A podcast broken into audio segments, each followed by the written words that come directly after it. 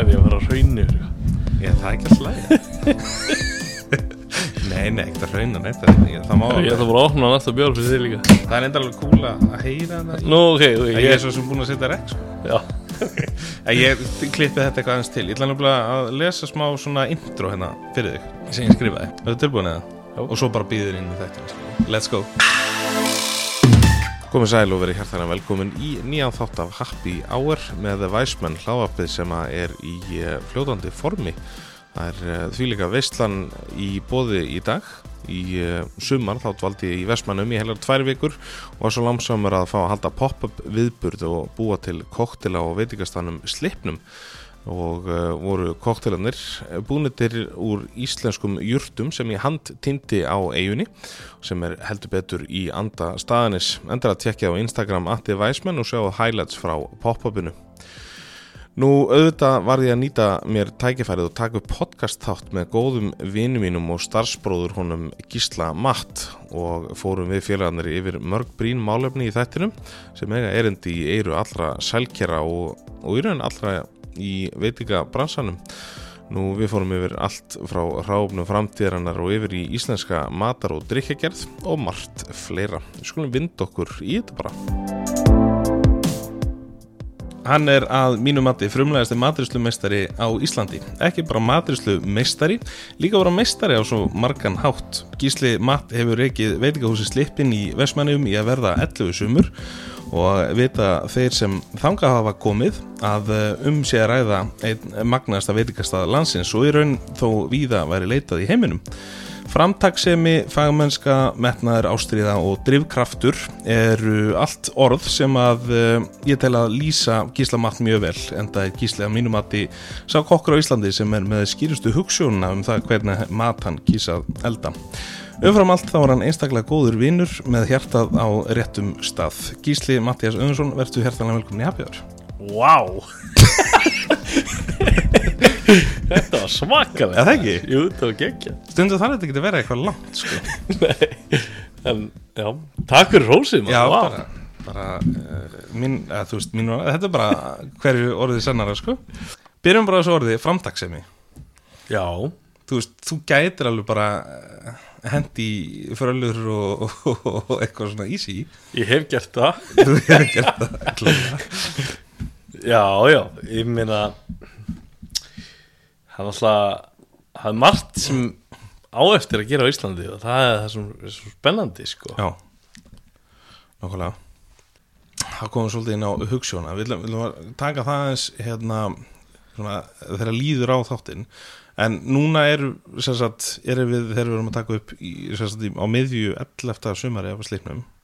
Já, Mér langar svolítið að uh, þú nú búin að fara í einhver svona podcast en mér langar svona aðeins að le- að lefa fá, og fólki að fá svona aðeins meiri insýn á svona bakvið slippin já sko við náttúrulega, við opnum hann að 2012 þá var ég bara nýjútskrifaði maturislu maður og, og hérna hafði mér þess að aldrei unnið í svona a la carte eldhúsi eða svona eldhúsi sem að ber fram mat bara eftir pöntunum.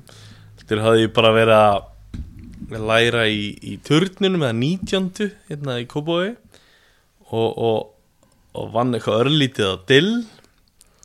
Og, en ég hafði aldrei unni í eldhúsi svona þannig að það var uh, voru margar lokaða dýr getur við sagt Já. þegar við opnuðum sko en þess að við bara hreinlega kunnum þetta ekki sko. Uh, ég sett opnaði þetta með sýstu minni Indi Nöðinsdóttur og, og mömmin og pappa og um, en við svona grunn hugmyndin og grunn gildin eru ennþá þau sömu í dag. Já, ég var um eitt sko að hlæja því með staffinu um daginn þá hérna bara kvöldi sem við fögnuðum tíur ámálinu já, þá las ég yfir statu sem ég hérna, skrifaði kvöldi fyrir opnun. Ok. og, og þessi orð eiga veist þau meika 100% sens enn þann dag í dag með hvað slippurinn er. Þó svo að slippurinn hefur þróast svakalega mikið frá fyrsta degi sko. Þannig að þú gætir í raun rípost þessu bara núna. Í, í raun og veru sko, vegna þess að hann tölum við hvernig við viljum nota nærsamfélagið eh, og náttúrulega júrstirnar í kring. Mm hvernig við ætlum að uh, reyna að búa til stað þar sem að vestmanningar geta verið stoltir að hafa í sínum heimabæ. Og, og hvernig við viljum á frumlegan hátt uh, nota íslenska matagerð og, og þó svo, eins og segi, þó svo að slipurinn allt annar veitingastæður í dag þá eru þetta bara grunngildin ennþá sem, sem er ótrúlega magnað ég, þessi status kom sjálfum mér mikið óvart sko. Þú varst ekki búin að tjekka á fyrir nei, nei, nei, það er bara ég fekk bara eitthvað svona memories bara á Facebook sko. Ok. og, og, og uh, já, og hérna það var svo bara kvöldi fyrir opnum bara hérna, 5. júli 2012 sem að ég skrifaði hann á status og já, bara magnað að að við höfum náða svona að halda í það sem við ætliðum okkur. Sko, hérna, þetta er náttúrulega merkilegt veitingahús á margan hátt en, en náttúrulega kannski fyrst og fremst þá, þá erum við að tala um stað sem að er einhverju opin á sumrin. Já, við erum, við erum bara opinn svona, svona meðaltali myndi ég segja fjóra mánuð ári og við byrjum oftast einhvern tíman í byrjum mæ og lokum svona miðjan seft uh, Þetta tímabil nákvæmlega er frá öðru mæ uh, og mjög líklega til 11. september eða 10. september Já, uh, Þannig að já, þetta er ekki þetta er ekki meira sko nei en, en þetta er samt sko slipurinn er mjög stór og, og mörg sæti og rosalega mörg horn á að líta. Um, þannig að þetta er algjört svona býst skilur við veist, ég er að plana sumarið bara allan veturinn í raun og veru sko. Já, en samt, samt leiða þetta að byrja það fyrir allt upp í háloft sko. Já, nákvæmlega. En ef þú hverfur aðeins tilbaka og, og svona og segir fólki hvernig, hvernig var bara fyrsta sumrið? Það var náttúrulega bara það var uh, bara ógeðslega erfitt sko. þú veist fyrsta lagi við vissum ekki hvað við vorum að gera. Uh, þú vorum með gamlan búðakassa og handskrifaða bommur fyrir 100 mann sal og vorum opið í, í hátteginu og kvöldin sjöta vikunar já, ég held reyndar eftir fyrstu tvær vikunar þá ákveðum við að loka á mándum en þess að við bara vorum ekki að höndla þetta. Nei, nei. Og þá var konceptið hann í hádeginu það var réttir dagsins. Ég held að það er svo einfalt en, en síðan vorum við til þrjú fjögur á næturnar að undirbúa og gera nýja matsala fyrir hádegið daginn eftir sko. Ok, Þú veist, þannig að þetta, eh, en við lærðum mikið og lærðum hratt og ég var náttúrulega með bara uh, gott fólk með okkur líka og, og, og það hefur alveg haldist þannig og, og, hérna, og alltaf að koma inn fullt af fólki til okkar sem við líka bara lærum af. Já, við, já. við, við svona eh, reynum að miðla þessar hugssjón okkar hvað slipurinn er og hvað við erum ekki. Og, og hérna og reynum að búa til ákveðu bóks þar sem að margir bara frábæri einstaklingar hafa unnið veist. Þetta er náttúrulega eins og að opna nýja veitingastaf hverju ári ég meina eins og nú í dag eh, þetta sem er með 27 manns að launaskrá. Já, og það er því líka hæfileika búndin sko sem að koma líka með sín innlegg og, og sem við lærum af og vonandi þau líka sko. Og hérna en þú veist, það er búið að vera alveg svakalega mikið áskorunum í gegnum árin og, og hérna en ég er svona á því að næstu í öll sumrin hefur slippunum verið aðeins betri heldur en var sumari áður og það er alltaf markmiði sko að- ná lengra í hvert skipti og, og þú veist fara dýbra í það sem við erum að gera og, og þess að það þannig að sem, sem gerir þetta náttúrulega bara ótrúlega skemmtilegu verkefni þótt að, þótt að e, rekstralega séð er þetta náttúrulega mjög flókið Mhm. þú veist við erum með risa preppeldurs við erum með st- e, þú veist tæplega 300 fermetra starfsmanna íbúð Já. bara til þess að halda fólki sko í einhverju gistingu yfir sumarið Já, og, og hérna þannig að þetta er orðið svo mikið apparat en, Mhm. uh, fyrir veist, þessa fjóra mánuði sko. en, já, já. en en þú veist, þetta er líka ótrúlega gaman Mhm. og það er náttúrulega kannski ástæðan fyrir því að, að þú ert ennþá að þessu já, já, ég meina þú veist eh, ég held að ég hafa verið að segja, við í síðustu viku, ég fæ samt alltaf sama svona mæþungindi Já, sko, já, já, já. þú veist, það, það sem ég bara ég sé ekki hvernig þetta sumar mun ganga upp. Já, bæði fjárhagslega og líka bara líka bara, þú veist að miðla öllu til fólksins okkar og, og, og fá alltaf með sér í lið sko, þú veist, það er alveg meira en að segja vegna þess að það er ekki létt að vinna á slipnum, þú veist, þetta er við berum frá mat fyrir rosalega marga og, og við erum með rosalega svona og kru- hráöfni náttúrulega líka. Já, óhefbundi ráefni sem að það er, þú veist, við pöntum ekki bara ráefni það kemur inn og við undirbúðum að bera það fram. Mhm. heldur þarf að vera rétt veður úti til þess að að ná í þetta og, og þetta er bara í einhverju ársti sem er bara tveggja veikna klukki og þá verðum við að safna nóg til þess að eiga fyrir kannski næstu já, og þú veist, að þetta er svona þetta er ótrúlega flókin eining og, Mhm. og, og ég, ég er alltaf að læra og læra hvað þetta er að raunur flókin eining eftir að ég byrjaði að opna aðra veitingastæði sem eru kannski ekki jafnflóknir já. og þá, þá hérna, þó svo ég var að opna annan stað núna veist, í februar eða mars, veist, þá þá er slipurinn ennþá alveg miklu svona meiri vinna, þótt þessi 11. sumar okkar, sko, já, já. þú veist það, það, það má ekki sopna verðinum í einn dag, sko Nei, þannig að hérna, það er bara það er bara hérna en við erum alltaf að læra og við erum alltaf að vera aðeins betri sem, og þá er svona markmiðinu náð sko. já, já Ef við myndum taka einhvern svona einhvern svona skemmtilega hápunta eða einhvern svona skemmtilega eh, einhvern svona moment sem, sem, sem dettur hug gegnum hennar tíma, Hva, hvað væri það? já ég meina þú veist, eins og ég saðan slipurinn hefur alltaf verið svolítið erfiður ekstralega og hérna en samt erum við með ákveðna hugsun sem við bara slipurinn er ekki það sem hann er ef við erum ekki að framfylgja henni. Og ég meina það hljómar einfalt en ég meina eins og nú vorum við með hambúrgar á seðli. Já, þú veist og fyrstu tvö eða þrjú sömurinn held ég.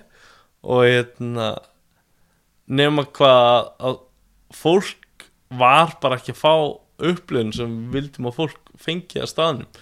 Þetta var mest seldi rétturinn. Já, eða kannski. Já, já það er náttúrulega bara einfalt val að, að benda á hambúrgaran sko. Já, og hérna e, og, og bara það að taka hann út af selju var bara þvílík áskorun vegna þess að e, við, við stóðum e, ekki fjárhastlega vel þá og taka vinsalasta réttin það það hérna það gaf bara auðvitað að það er erfitt og ég meina meiri sem bara fólk e, fastakunnar okkar voru bara ekki ána með okkur sko með, með. og ég meina síðan uh, sagan endur tekur sig í raun og veru bara ég held að það bara árið setna tveimur kannski hérna, að þá var langvinnsalsti rétturinn okkar hrefnustek og, og hérna nema hvað að þeir sem að við vorum að kaupa kvalinn af uh, þeir voru að hætta rekstri og við vildum ekki styðja við þann eina sem var eftir að veiða kvali venna þess að þú veist sá aðli kannski hérna e, er bara e, ekki minn eina hugsun um sjálfbærni og, og, og veiðir bara það sem veiðist og, og, og segir allum að þeia sko. Já, já, veist, þannig að þú veist uh, hefur áhrif á hans rekstur að við, við kiptum ekki kvalánum, alveg örglega ekki sko.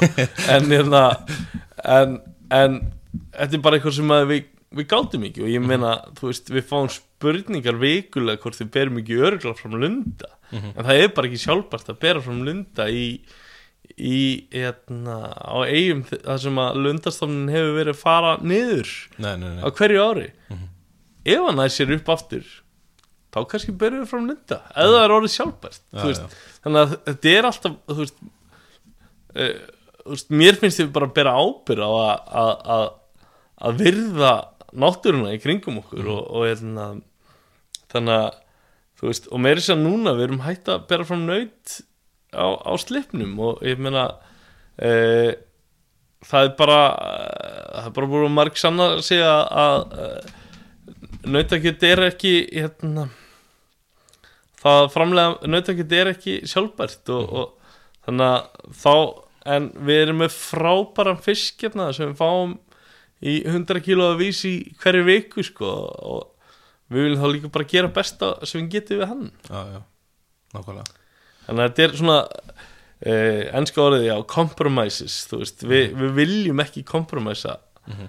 eh, okkar hugsun og, og þannig að það er alltaf stöður og erfiðar ákvarðinu sem við erum að taka og síðan er bara kemur í ljós hvort að það virkar eða ekki sko. Sko það hefur nú heldur betur að vakið mikla aðtegli og það má alveg segja að hvað hugssjóna varðar þá áttu náttúrulega alfari búin að selja fólki hana venna þess að hinga er að koma fólk hvaðan ára heiminum til þess að borða á slipnum Já, mér, finnst það náttúrulega bara alltaf magna sko, en þess að þú veist, í enda dags er þetta bara fjölskyldur ekki veitingastæður sem að þú veist, við erum bara að reyna að gera okkur besta hverju, hverjum degi og ég meina e, það er gífilegt magna fólki sem verður gennum slippin að borða, mm -hmm. e, gestir og e, mér finnst við enn, enn þannig að í dag ekki ná 100% að gefa öllum fulla upplifun og, og það bökkar okkur endalust sko. Já, já. að því maður hefur kannski samvinskunni að einhver er að jafnvel að koma til Íslands bara til þess að koma til Vestmanlega til þess að borða. Þannig að þú veist um, og það er erfitt að ná þessi consistency ef þú ert ekki bara í svona uh, það sem kallað er set menu seðli. Já, þú veist að hafa stjórnina á, á upplifun allra. En við, þú veist, við erum með bara magnað fólk með okkur í þessu uh, eldursteimi til dæmis í ár er alveg ótrúlega stert og, og sem, sem leifir mér að ná að fókusa á að reyna að halda auðvitað um upplifun kunnans að því það hafa líka verið bara sömur sem að ég er bara fastur í eldursunni sko Já, já. og hérna næ ekki yfir sínunni og ég meina að þetta er, þetta er alltaf svona þetta verður aldrei einfalt og þess að við byrjum á ákveðin kannski ekki núlpunkti en við byrjum upp á nýtt okkur í sumri Já, já. uh, en, en en fyrir viki held ég samt líka að að slipurinn sé mjög sérstakur staður þú veist að hafa náð þessum árangri þó sko þó, þó að við, við, við hérna, byrjum upp á nýtt eiginlega hverju ári sko reputation er náttúrulega orðsporun náttúrulega heldur sér alltaf. Og, og hérna sko mér er svona er gott að þú talar um uh, eins og hérna að það er svo ofnóta reyndar og ég er svona að hefa ákvæmna skoðanur á því þegar að tala um að matsölustæðir séu eins og eitthvað leikhús og svo náttúrulega orðið upplifun mjög svona ofnótað einhvern veginn. En þetta er samt sko til þess að fólk svona fatti kannski hugsun nú tel ég mér nú svona að þekka nokkuð ágætlega hvernig þín hugsun er en það hérna er hún kemlík minni í, í þá drikkjagerð en uh, mér finnst svona uh, þetta er handverk. Er það ekki kannski svolítið góð myndlíking? Jú, handverk sko al, algjörlega og svona ég er alveg svakalur í slettanum en, en þú veist en þetta er rosalegt kraftmannship. Já, sko hver einasti Já. þú veist þú veist, fólk kannski hugsa bara já að við séum að dúlla okkur að týna jurtir alltaf dag sko. Það er bara, herðu, við höfum tími inn til að ná í þara hundarsur og þurfum að stela rappa bara í einhverjum garði sko. já, já, þú veist, af því að, af því að það þarf að vinna fyrir kvöldið, þú veist, þetta er er hörku vinna og, og þú veist, ég meina í dag voru við að fá 350 kíló að heilum fiski, sko, og það þarf bara brjóta það niður skipta það í róð, hausa uh, gera fiskisóð gera skamta gera þorskvangi sko, þú veist, þetta, og þetta gerast á hverjum einasta degi þú veist, ég meina í dag erum við að undibúa fyrir þjóðháttið sem Já, er hérna, ekki morgun heldur hinn. Einmitt. Og ég meina við hérna veist, gera 250 lítra af veist, þetta, er, svo galið þegar maður hugsa það en Já. þú veist en þarna eru bara við erum bara með veist, um 20 mann sem er að gefa sitt allra besta Mhm. og ég held veist, mér finnst þið verið að gera mjög uník hluti sko, Mhm. þú veist þannig að það er úrslega erfitt að ætla sér að vera betri en áður áður árið áður, alltaf. já, já, vegna þess að við vorum að gera okkur allra besta líka á síðast ári, skilur Það er líka ógustlega auðvöld að segja það en ég held sko, nú þekkið þig ágætlega, þú ert líka þannig, að því að tala um svona hugssjón og, og það að þú svona vitir nákvæmlega hvernig mat þú kýrst að elda.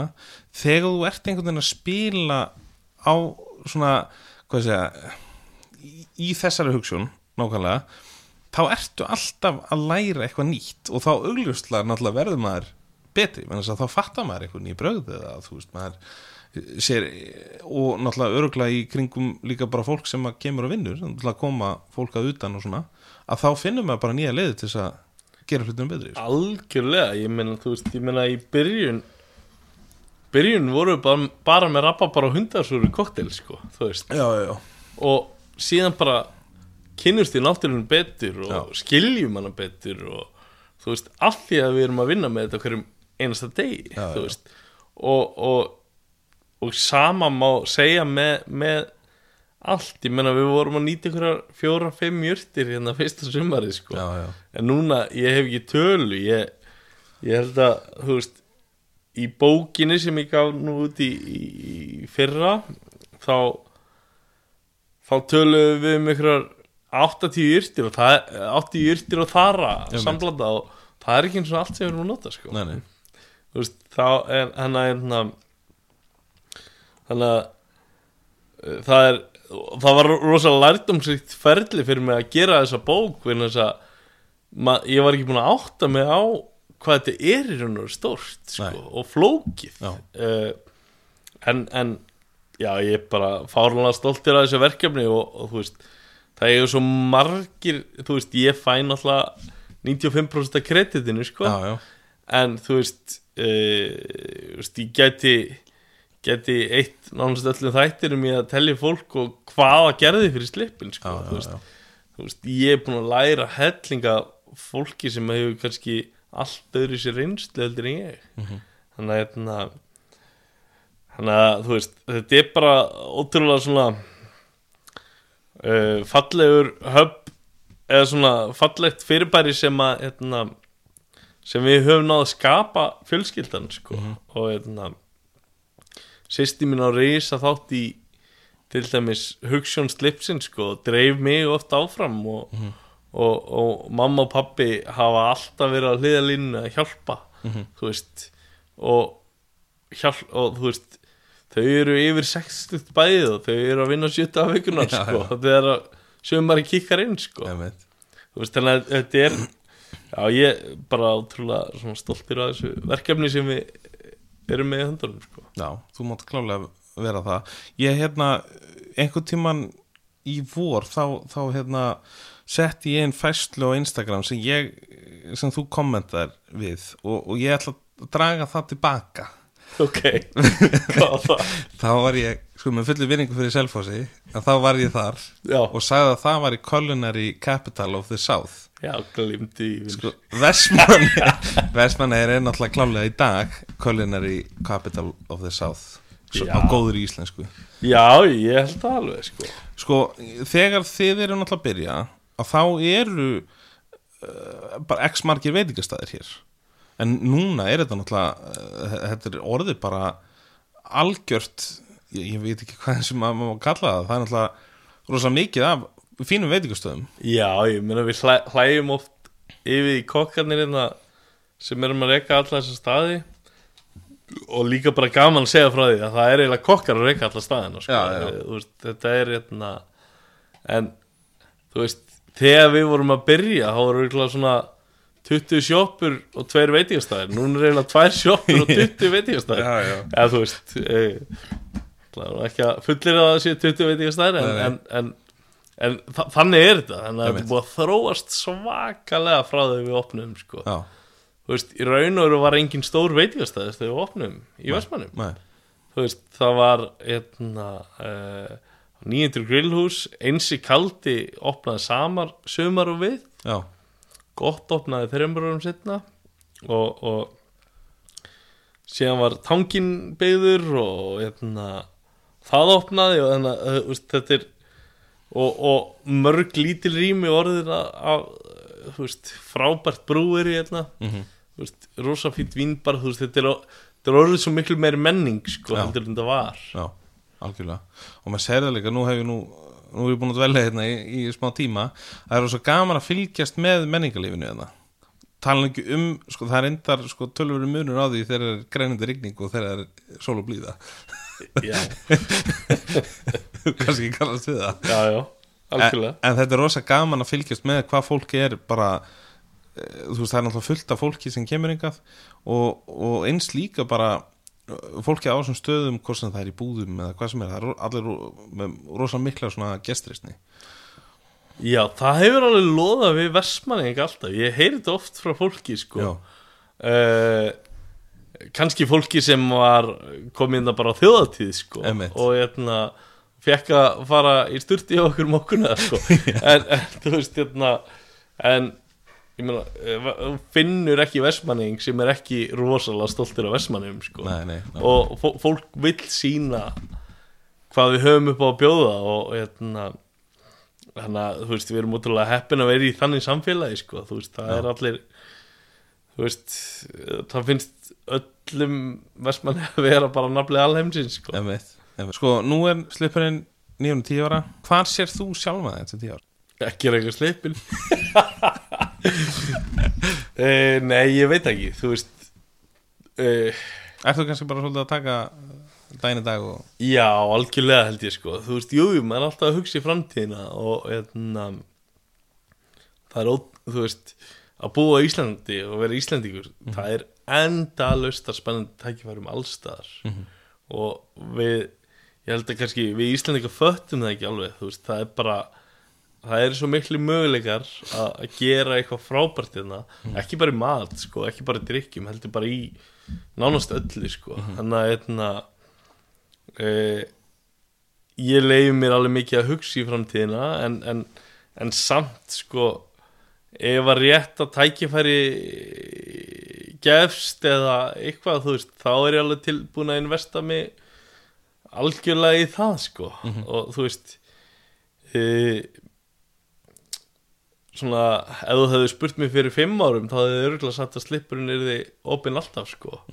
En, en en mér finnst líka bara ákveð, ákveði fallegt að, kannski þegar við erum á hápunktinu þá lokum við, þá er bara nýr kapli Mhm.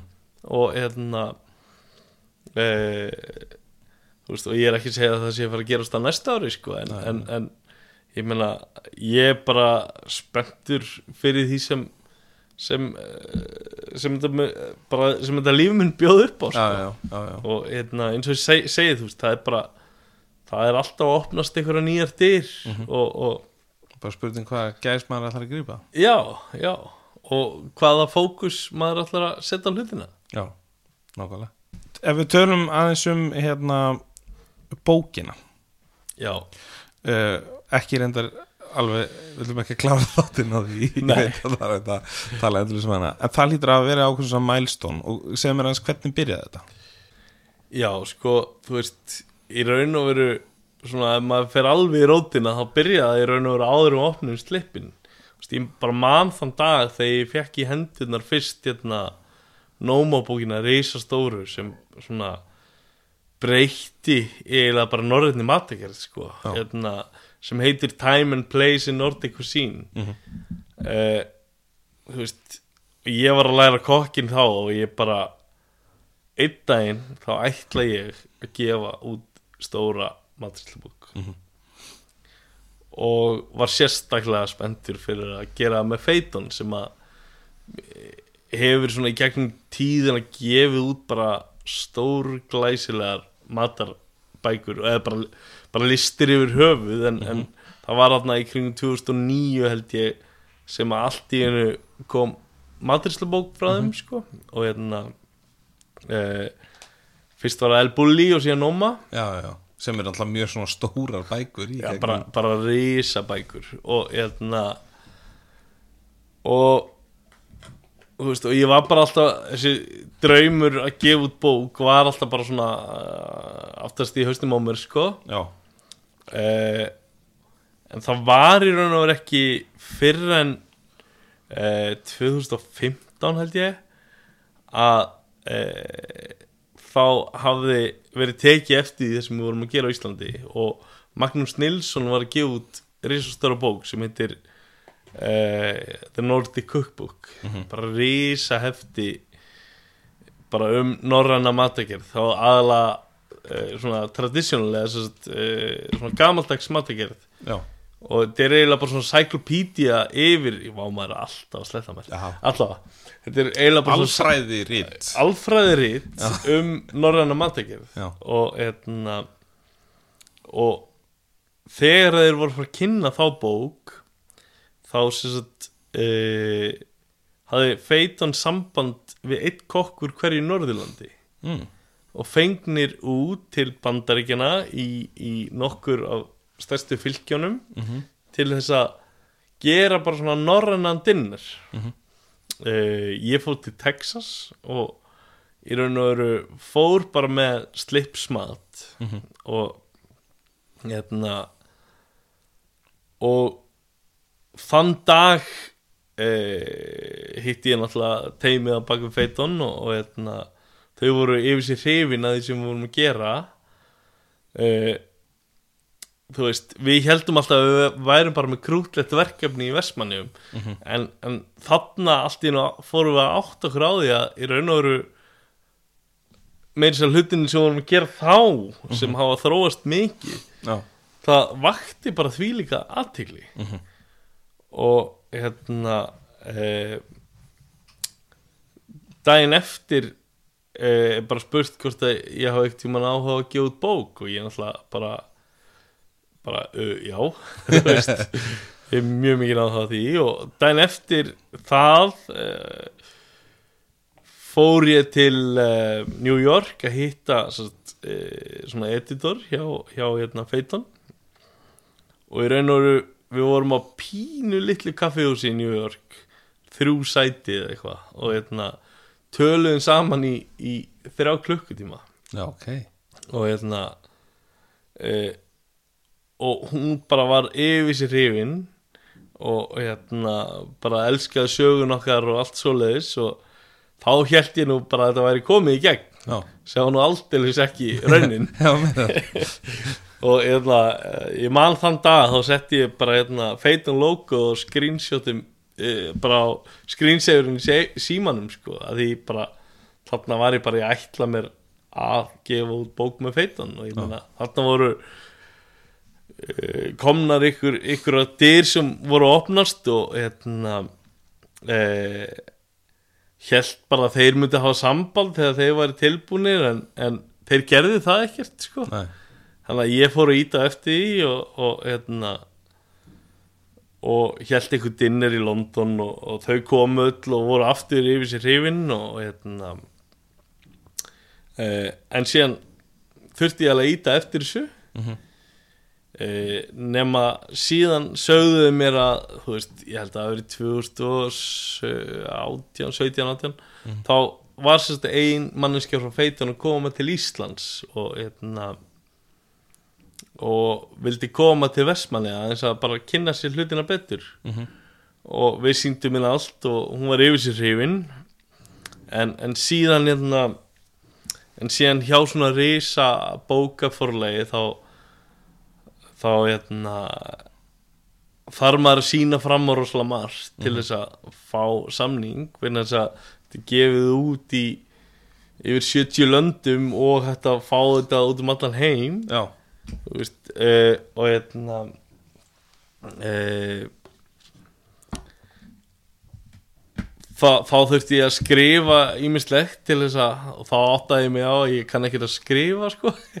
Já, þannig að þá talaði ég við bara uh, reytönd eða eða bladamann í raun og öru sem hefur samt gefið út bók með feitan áður sem hafði skrifað um slippi árið, árið áður og spurði hann hérna bara hvort að hann vildi taka þátt í, þessu með mér sem hann gerði og hérna við skrifum umsókn saman umsókn og, og hérna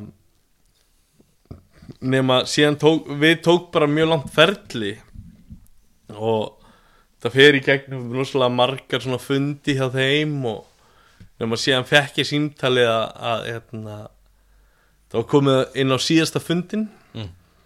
e, þar sem þetta átt að bera þetta fram fyrir forstjóra feitan og hún hafði alveg orða því bara hérna, ekki verið með of mikla væntingar e, bara yfir 70% af bókunum er satt neyfið á þessum fundi sko. já, já, nema hvað að manneskjan sem að ég talaði við fyrst á litla kaffehúsinu í New York var búin að vinna sig upp og var hann forstjóri feitum já. og þegar þetta kom upp á borðið þá var bara hell yes Í gerum alvöru. þessum bók. Ok, það er grillað. Já, að verða þess að eftir hann að fundi í New York já, þá heyrði ég ekkert frá henni og náði ekki samband við hann hún var bara busy að vinna sér upp þegar hún var já, já, já, já. Og hann að, þú veist og meiri sagði sko þegar ég fekk fréttina fréttinar að þetta hafði gengið í gegn sko þá satt ég í sama herbyggja og við sittum núna og ég bara ég bara fór að gráta sko. En þess að, þú veist þetta var einhvern veginn bara svo magnað að ná þessu sko.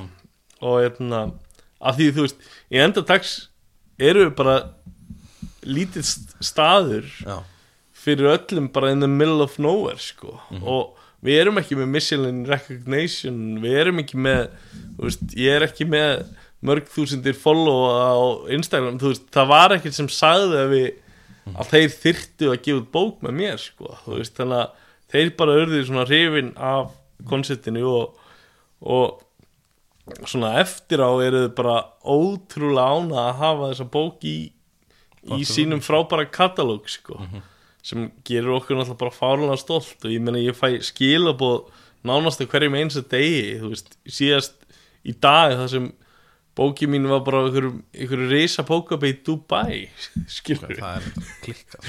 Þú veist þannig að þetta, er svo þetta er eitthvað svo magnað sko, þú veist. Uh, en, en bara já, bara fáralegt að, við höfum náð þessu sko. En segð mér, hvað tekur svona prósess? Okay, Þannig er þetta komið uh, Samningurinn klára og svona. Já, En þetta tekur sko, Nú hef ég sjálfur skrifað litla koktelbók Á meðu við þína er hún lítil. En hvað tekur hérna að því sko Það tók ára að skrifa hana. Þetta hefur tekið alveg aðeins lengri tíma eða ekki?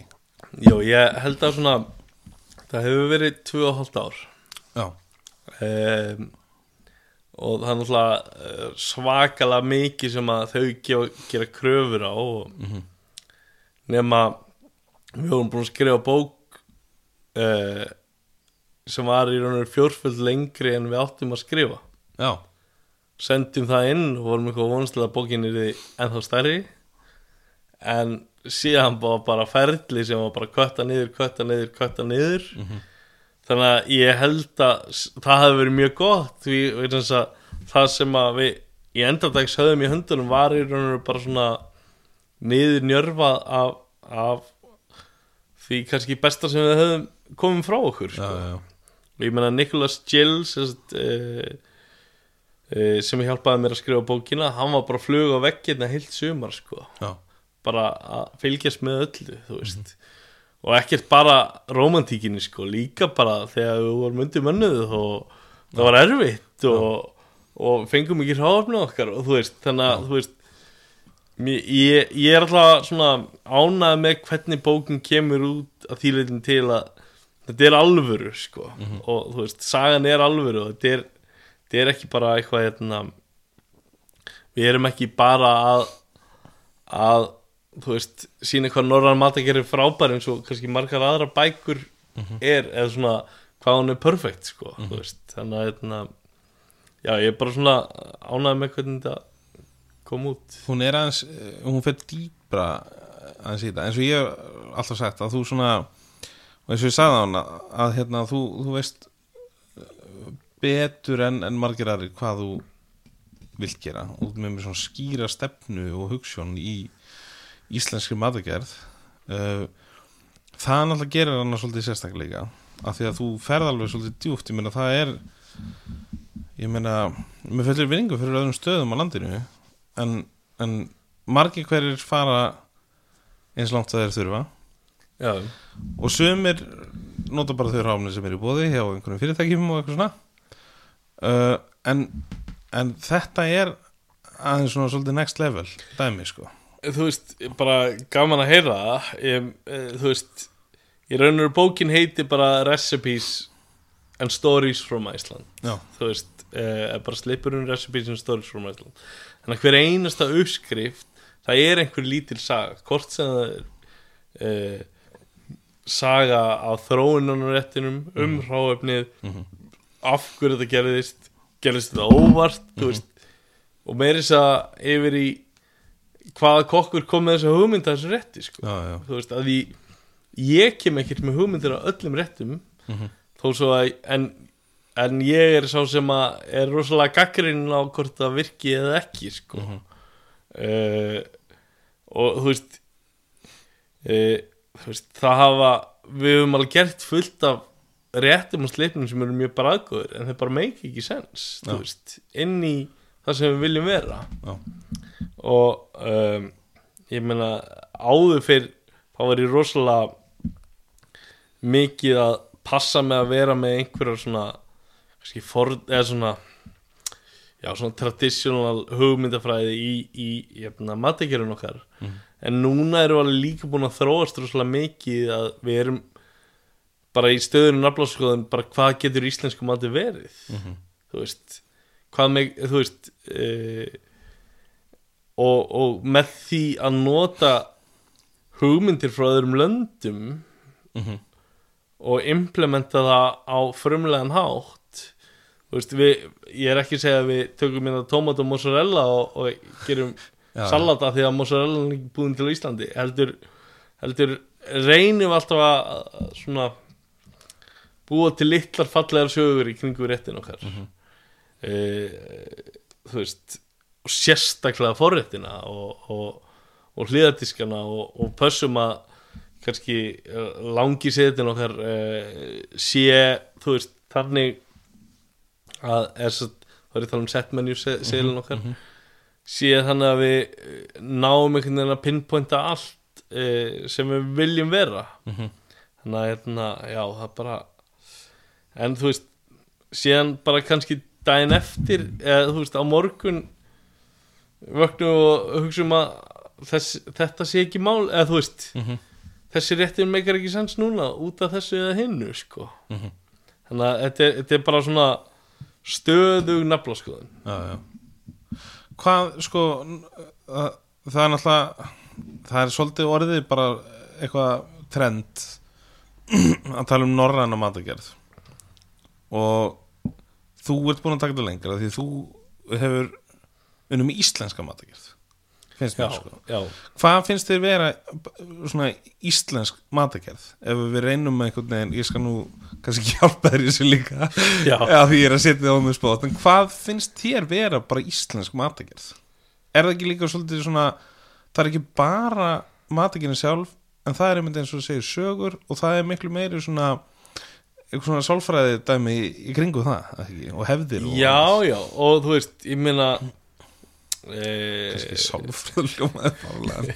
en þú skilir hvað ég meina Já, algjörlega, en þú veist, ég meina eins og þú veist ég opnaði náttúrulega mat og drikk á sínum tíma 2015 og eitna, þar voru miklu meira að líta uh, inn á við hvað þú veist hvernig getum við elevata traditional íslenska matagerð Mhm. og það, þú veist, og gert hana frumlega spennandi og, og mat sem að uh, nær til fleira mm fólks heldur en bara þá sem hafa alltaf elskað traditional matagerð já, já, og hérna e, þar voru rosalega mikið í naflaskóðun og, og þú varst náttúrulega með í því projekti alveg í, í langan tíma.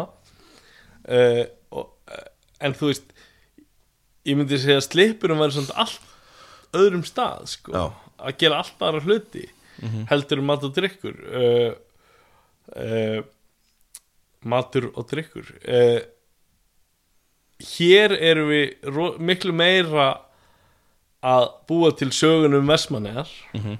og, og, og svona heiminn sem við erum í hér eða það sem við sjáum hér já, og þú veist og reyna að implementa því eins mikið í matagerðina þú veist þannig að ég myndi næstu segja að þetta væri meira versmanleisk matagerð heldur en gerum Já, já. heldur en íslensk skilur Já, en já. samt með áhrifum allstaðan að Já, já. og hérna þannig að hér eru ekki bara að líta inn á við og fanna, finna gamlar tengingar Mhm.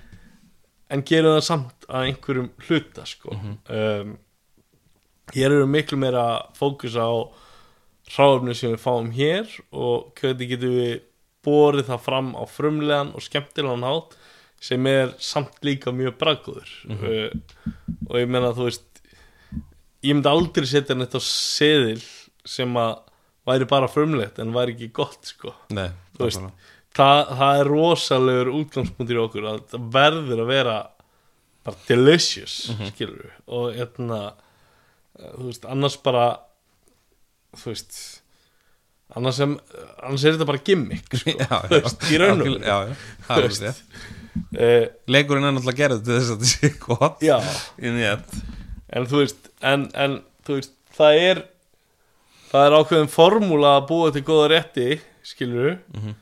uh, og það er að leita í, í það sem er vinsalast og það gera það langt flestir Mhm. skilur við uh, þú veist uh, en við erum í raun og veru kannski að horfa ok, þetta er kannski rosalega góður réttur en ef við breytum þessu út fyrir þetta þessu út fyrir þetta Mhm. og þessu út fyrir þetta þá er þetta orðið allt annar réttur Mhm.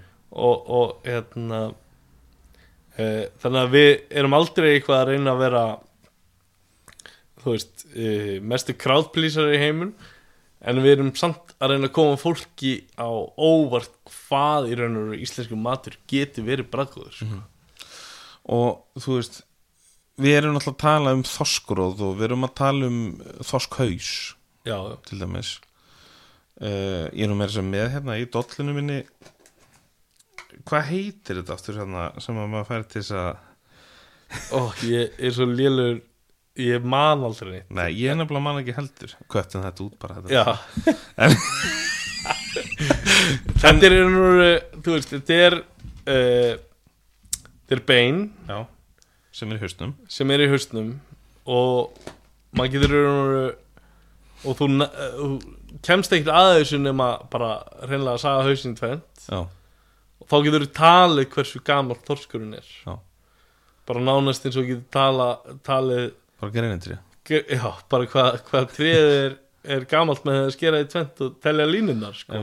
Ég man alltaf eftir þessu þegar maður bara fram þorskhausin á matur drikk hvað þetta er ótrúlega sérstakt. Þetta er alveg alltur þessi áferð líka og Já, ég á náttúrulega að muna hvað þetta heitir Já, sko. ég, ég, ég, ég setja hérna, ég klippa inn Já, Ég var aldrei að fara að gera það alltaf ekki kemur bara Þetta er þetta- það er að finna út því. En hérna, en það er náttúrulega líka bara svona pínu Þú veist, þetta er náttúrulega bara eitthvað sem fólk sér ekkert skilur. F- Fyrir mér, bara by far, þetta er eitt besti aðrætt sem ég smakkað. Já, ég bara veist, þetta var náttúrulega bara e, Þetta var náttúrulega signature réttur á mat og drikk Já, já, og ég man þann tíma rosalega vel vegna þess að ég var rosalega fókuseraður já, á það að gera eitthvað nýtt í Reykjavík. Á þessum tíma annað en núna það sem er ótrúlega mikið spennandi stöðum í Reykjavík það var ekkert rosalega margir sem voru að gera eitthvað öðruvísi. Hétu eiginlega allir sæ eitthvað eða fiski eitthvað Já, og eðna, eða sjávar eitthvað. Eh, og, kjallari jafnvel. Já, já. eða húsið eða grillið þú veist.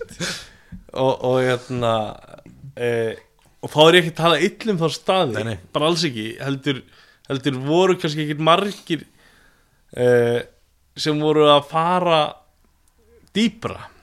Og þarna var ég bara rosalega fókusur að sanna mig í Reykjavík mér fannst ég á þeim tíma alveg búin að sanna mig fyrir kannski vestmanningum hvað slipurum var og, og uh, eða þú veist að einhverjum hluta allavega og eitthvað uh, og við, ég var ótrúlega fókusur að við þurftum að búa til einhvern rétt Já, sem að fólk myndi mun eftir. Og þá notaður hausin þá notaði þorskursin vegna þess það er alveg bara Það, það passa svo ég, ég hafði alveg alveg nokkur sem elda fiskihausa áður á slipnum Já, en var aldrei búin að ná að svona það. mastera það. En uh, með hjálpi hjá, með hjálpi Með hjálp frá góðum vinum mínum sem hjálpaði mér að opna máttrykk hérna, hann var með mér í fyrsta mánuðin uh, strákur sem ég var að vinna með í New York. Hann hjálpaði mér að þróa ímislegt sem að sumt sem að enda á matselus annað ekki. Og hérna, þorskur sem var eitt af því. Mhm. uh, okkur lang, mér langaði svo að búa til rétt sem að bæði er þvílík saga um veist, ég meina við Íslendingar það sem bjargaði íslensku þjóðinni var að senda saltfisk út einmitt. og, og hérna hvað borðum við þá Íslendingar við vorum ekki að borða, borð, borða hérna, gullið okkar sko. Við borðum annarkvort aðra tegundir eða fiskihausa eða kútmaga eða, eða kútmaga sem er í raun og veru þú veist bara mægin á, á, á, á þorsknum með lifur og, og hérna hrognum og hérna við, við borðum allt hitt. Þannig að mér fannst svo mikil saga sögð bara með því að byrja þetta fram. Já, já, ég man fyrstu myndin sem ég postaði þessu. Þú veist, frændi minn sem hefur alltaf verið mjög svona markast þengjandi hann bara ekki sína neinum þetta. Já, þetta mun bara uh, þú veist, fólk mun bara segja oi já, já. og örgulega gerði það einhver sko. en allir sem að en bara þessi þorskus hann bara hann vakti því líka aðtegli og, og etna, ekki bara innlandland sko, líka erlendis já. og ég raun og gerðan það mat og drikk að við vorum bara allt í hennu bara the new kid on the block í. Reykjavík sko, og með stæla sko. Og með stæla. Já, og, og hérna uh, og þú veist hann veginn, þessi þorskus gaf okkur líka bara sjálfströst í gera bara hvað sem fokki mildi já, já. og, og þú veist að, að, og þannig að þá bara höfðu einhvern veginn bara hugur, af því að þetta sló svona mikið í gegn já. þá höfðu við þetta hugur ekki og þetta sjálfströst Já. til þess að gera bara, þú veist, ég meina uh, veist, við, við útbyggum hérna blóðmör með blóð Einmitt. því að blóð reaktar eins og ekkjakvítur og við getum búið til marens úr blóðu og sikri já. og báruð það bara fram eins og þú myndir bera fram hann fram bara faukra já. þú veist af því að okkur var bara að þetta var bara gaman Já, já. skilur og, og, og ég meina drikkirni voru náttúrulega bara magnaði líka og, og, og, og hérna og þú veist það endaði í rauninu bara einu og hálfu ári setna já, já. þetta verkefni en þú veist þetta hefði þú veist við hefðum getað gert svo margt Já, sko. Ég var bitur í nokkur ár eftir á já, já. en, en, en í dag er ég bara mjög þakkláttur þetta hefur gerst og ég lærið ótrúlega mikið af þessu og, og hérna Ég held ég myndi að þú hefur svona móta svolítið margt þarna sem svo, Já, þú veist e, Ég held að matur og drikkur bara gaf mér persónulega bara ákveði sjálfströst þú veist og það bara heiklust ég segi nákvæmlega sama sko. Já, að að þú veist á, á þessum tíma sko þá var maður veist e, þarna vorum við bara degu stressið að taka hambúrgar af matsil og slipnum skilur. Já, á saman tíma nánast. Já, og en þarna var ég bara já já, herðu, núna ætla ég bara að gera það sem ég vil sko.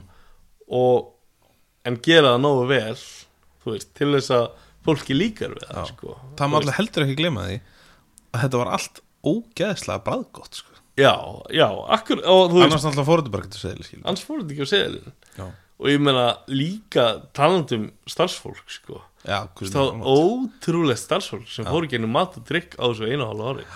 Bara, þetta var ruggla og, og, og líka, þú veist, ég er með þess að ennþanda í dag að fá skilabor frá bæði fyrirhundi kokkum og, og, og þjónum bara hvað matur og drikkur gerði mikið fyrir þau já, já, þú veist, að vera hluti að ykkur, þú veist ykkur svona eh, bara, þetta var svona hál, hál, hálger samfélag Já, bara, þetta þú veist, en við vorum bara þú veist, en við vorum bara saman í þessu samt í eitt af Já. þú veist, þetta er ótrúlega stutt tími í raun og veru. Það er rosa svona afkasta mikill tími og maður læriði rosa, rosalega margt rosalega hratt.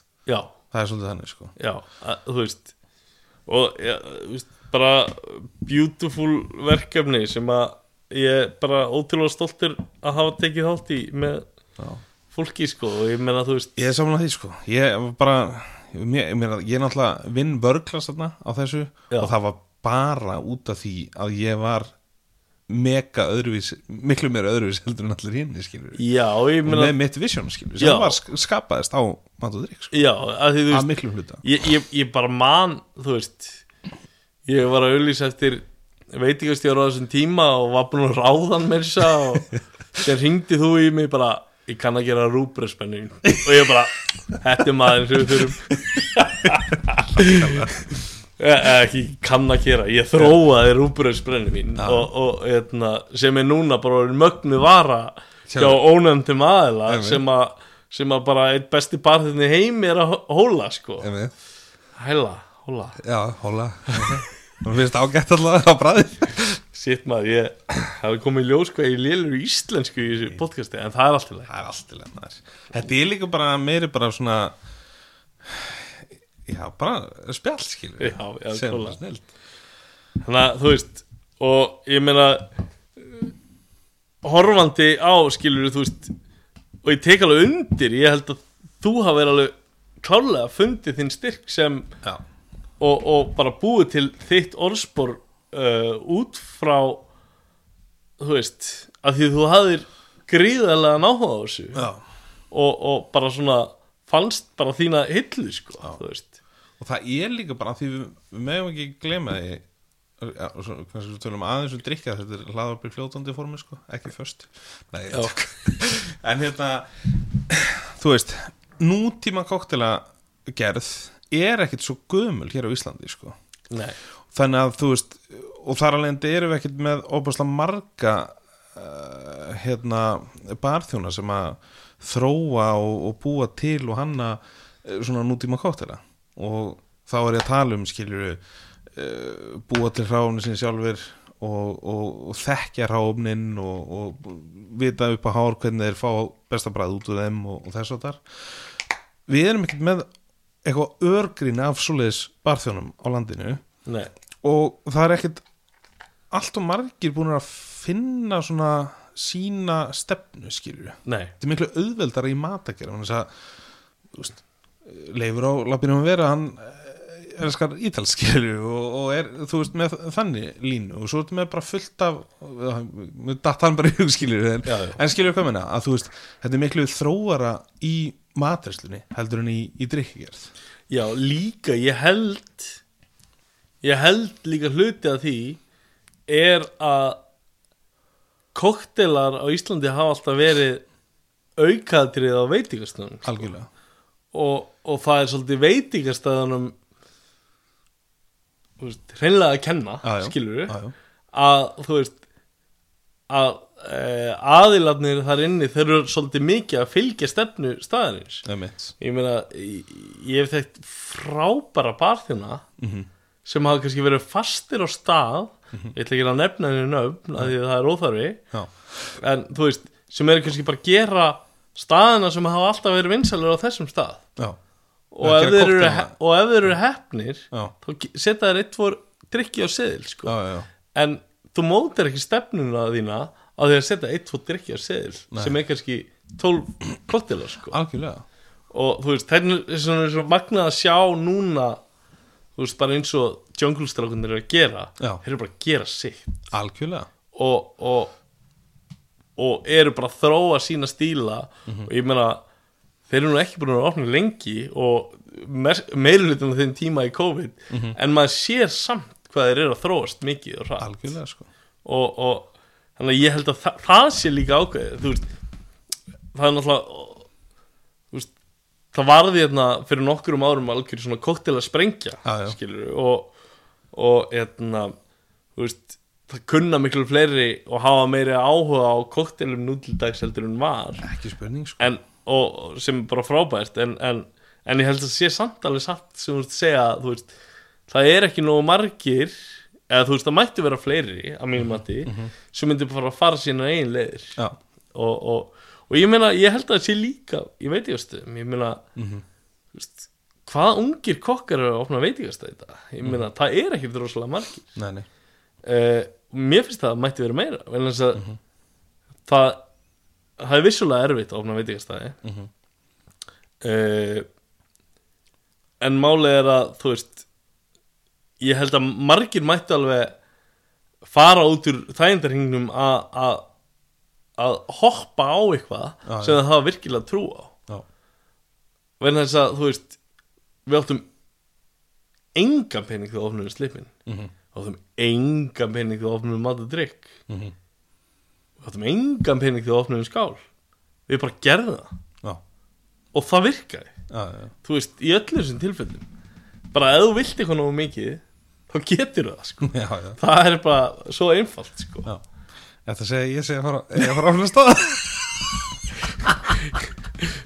já, Sjáum, sjáum til. Ég, þú veist, þá er ég, ég vil ekki þetta hljóminn sem sé að skjóta og allir séu lélegi fámenn það er magna hvað svona lítið landi með mikið fagfólki Já, já, og, og, þú veist og, veist Ég held að sé alveg fullt af, af, af ungu mönnum og, og, og eldri mönnum og konum og, og, og, og bara fagfólki sem að gengu með þann draumi brjóstið að, að opna staðskilur og það eina sem þú ert að segja er bara að fylgja hertinu og kýla á það sko. já, ég, þú veist, það er það sem ég á við sko. Já, já, Venna þess að, þú veist ef ég myndi fara í ball Já. að elda eitthvað já, við einhvern sem er sko bara nýjútskriður að taka þátt í einhverju keppnum. Já. Þú veist, hann örgulega elda með því borðið sko, þú veist í alvöru, já, já, þú veist þó svo ég hafi skapað mér þetta nafn og eitthvað Mhm. en minn styrklegi er að duglegur og, og með drifkraft sko. Mhm. það er bara minn besti styr, styrklegi og, og þú veist og vera frumlegur. Og að vera bara með mjög skýra hugsunum hvað þú kýst hvað þú vilt gera skilur Já. í matgerð. Þú veist, ég man eitt í mann veist, ég hef nú tekið þátt í einhverjum gokkjafnum það hefur nú ekki verið svona sagði til næsta bæjar, hvernig hefur gengið þar.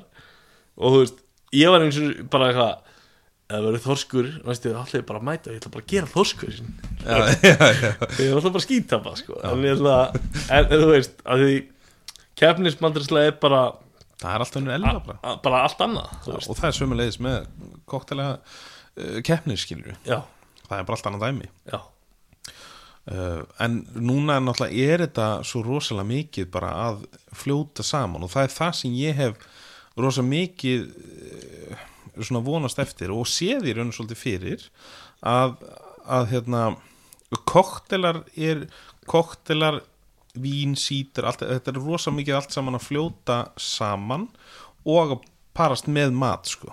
og það er rosa hættugt fyrir, uh, fyrir, fyrir mig til dæmis að ég er algjör sko, veitingahúsa barþjóð ef ég bý til kokteila þá, þá, þá er ég alltaf með þetta til hlýssonar að, að þú getur drukkið hann með mat sko já, og þú veist, ég er alltaf að spá í þessum hlutum. Ég myndi ekkert búa til bestu nætuklúpa kóktelina sko. Ég ætla alveg að lofa því. En hérna og, og það er náttúrulega bara því að þú veist, ég er þjóðna unnið, þú veist á veitingastöðum og, og, og kannski minna á, á nætuklúpum sko. en hérna, mér finnst það bara miklu meiri beauty sko. Já, já. Og, og þá er líka bara og þetta er svo rosa típist þegar fólk einhvern veginn spyrja á, ættu bara til þetta og kann þá að henda flöskum og svona já, já. og þú veist, nei ég reynda kann það alls ekki sko. Uh, en þú veist, ef að það er aðalmálið frekar hann að búa bara til þú veist, bara besta mögulega bragð sem hann getur gert í koktel já, já, algjörlega. Það finnst mér mér, þú veist, það er það sem að, þú veist, leikur hann á snúðast um sko. Já, og þú veist líka þetta element of surprise Já, veist, já, það má aldrei underestimate það sko. nei, nei, þú veist þú getur alveg fengið morsk og mjúl og hann er alltaf bara já. og ekki það því Mhm. þú veist en leiðu kannski bara setur þitt eigi kannski morsk og mjúl og kannski léldæmi en hérna taktu bara mojito. Bara mojito.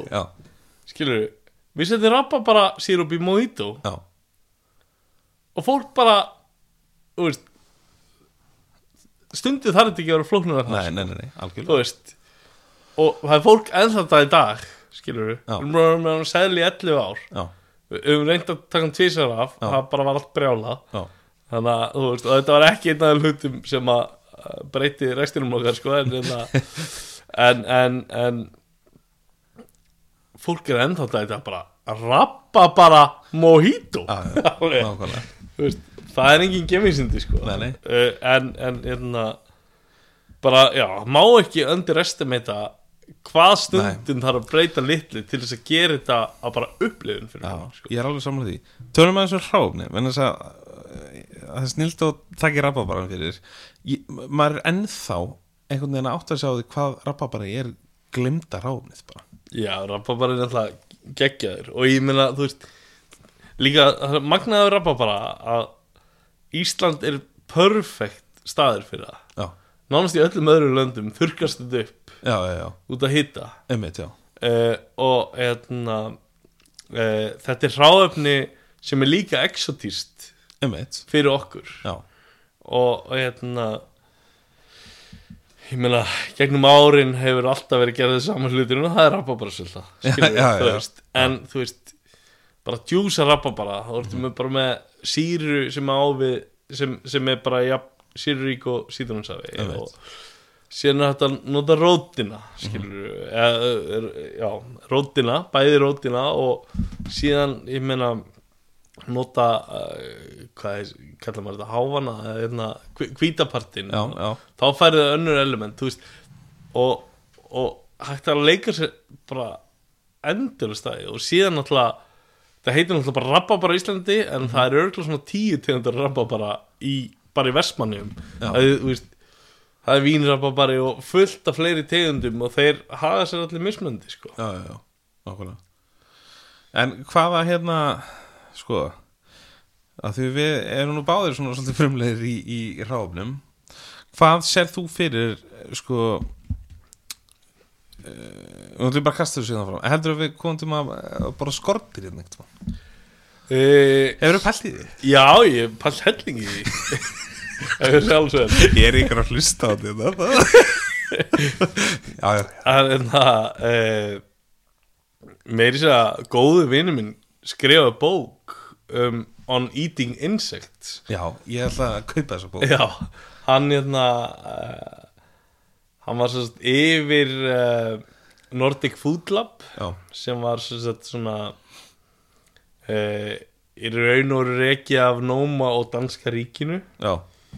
Að bara svona að kanna mögulega á mat. Er þetta ekki sömu gæðan að gera þannig Bugs myndina? Jú, jú. Já.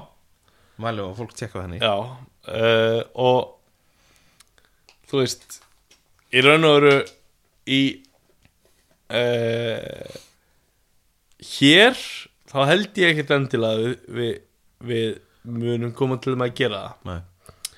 Uh, vegna þess að við Ísland er örgulega eitt af þeim löndum sem er með bara ótrúlegt magn af, fullt öðru sem að öðru. Það frekar að veist.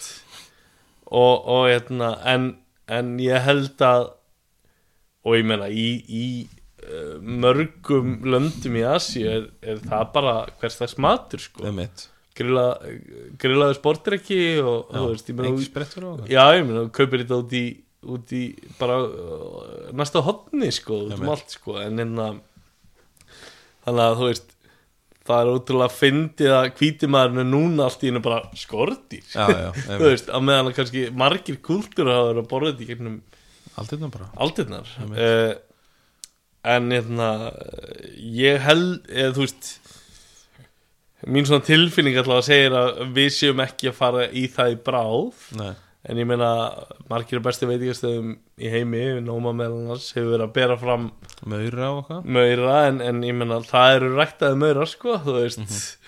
Þannig að, hérna, e, þú veist, ég held að það er alltaf langt í það, Já að við þurfum þess. En svo er líka bara spurning um sko hvað, ef maður hugsa bara um sko harvesti sko, það, það mývetninga geta eflaust ef að mý, mýflugan er góð þá geta hérna eh, fær, Það fara samt rosalega mikið til þess að reyna máltíð, sko. það þarf það sko ef það er að hafa þetta sem aðalegt sko.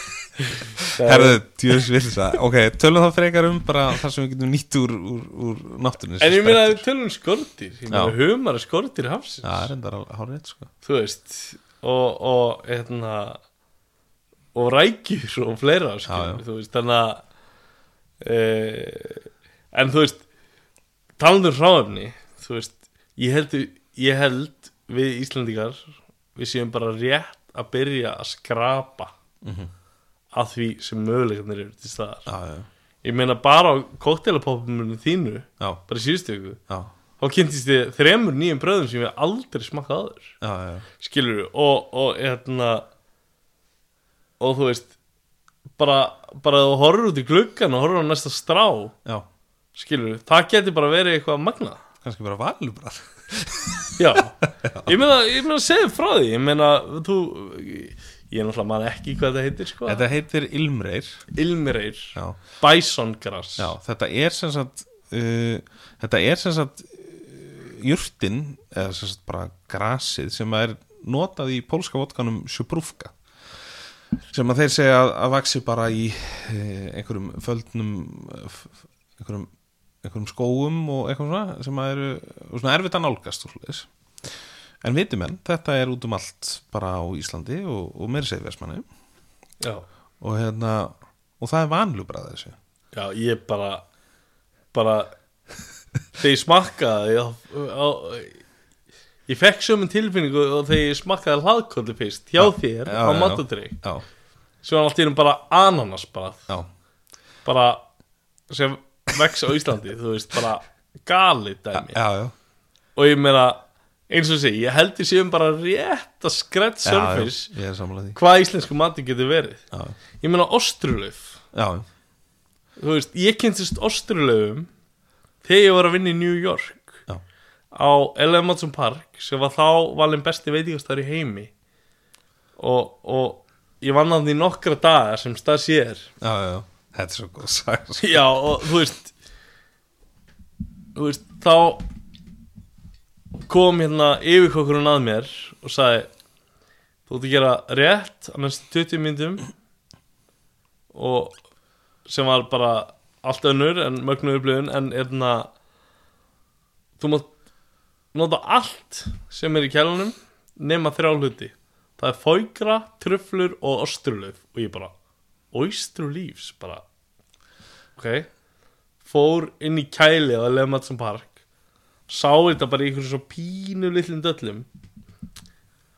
Og og leita á jurtinu og ég bara ég sé þess að jurt aður já, og þannig var ég í New York búin að reyka slippinn í tvö sumur og bara herðu þessi lauf vaksa út um alla bara allar strendur á Íslandi sko. Já, já.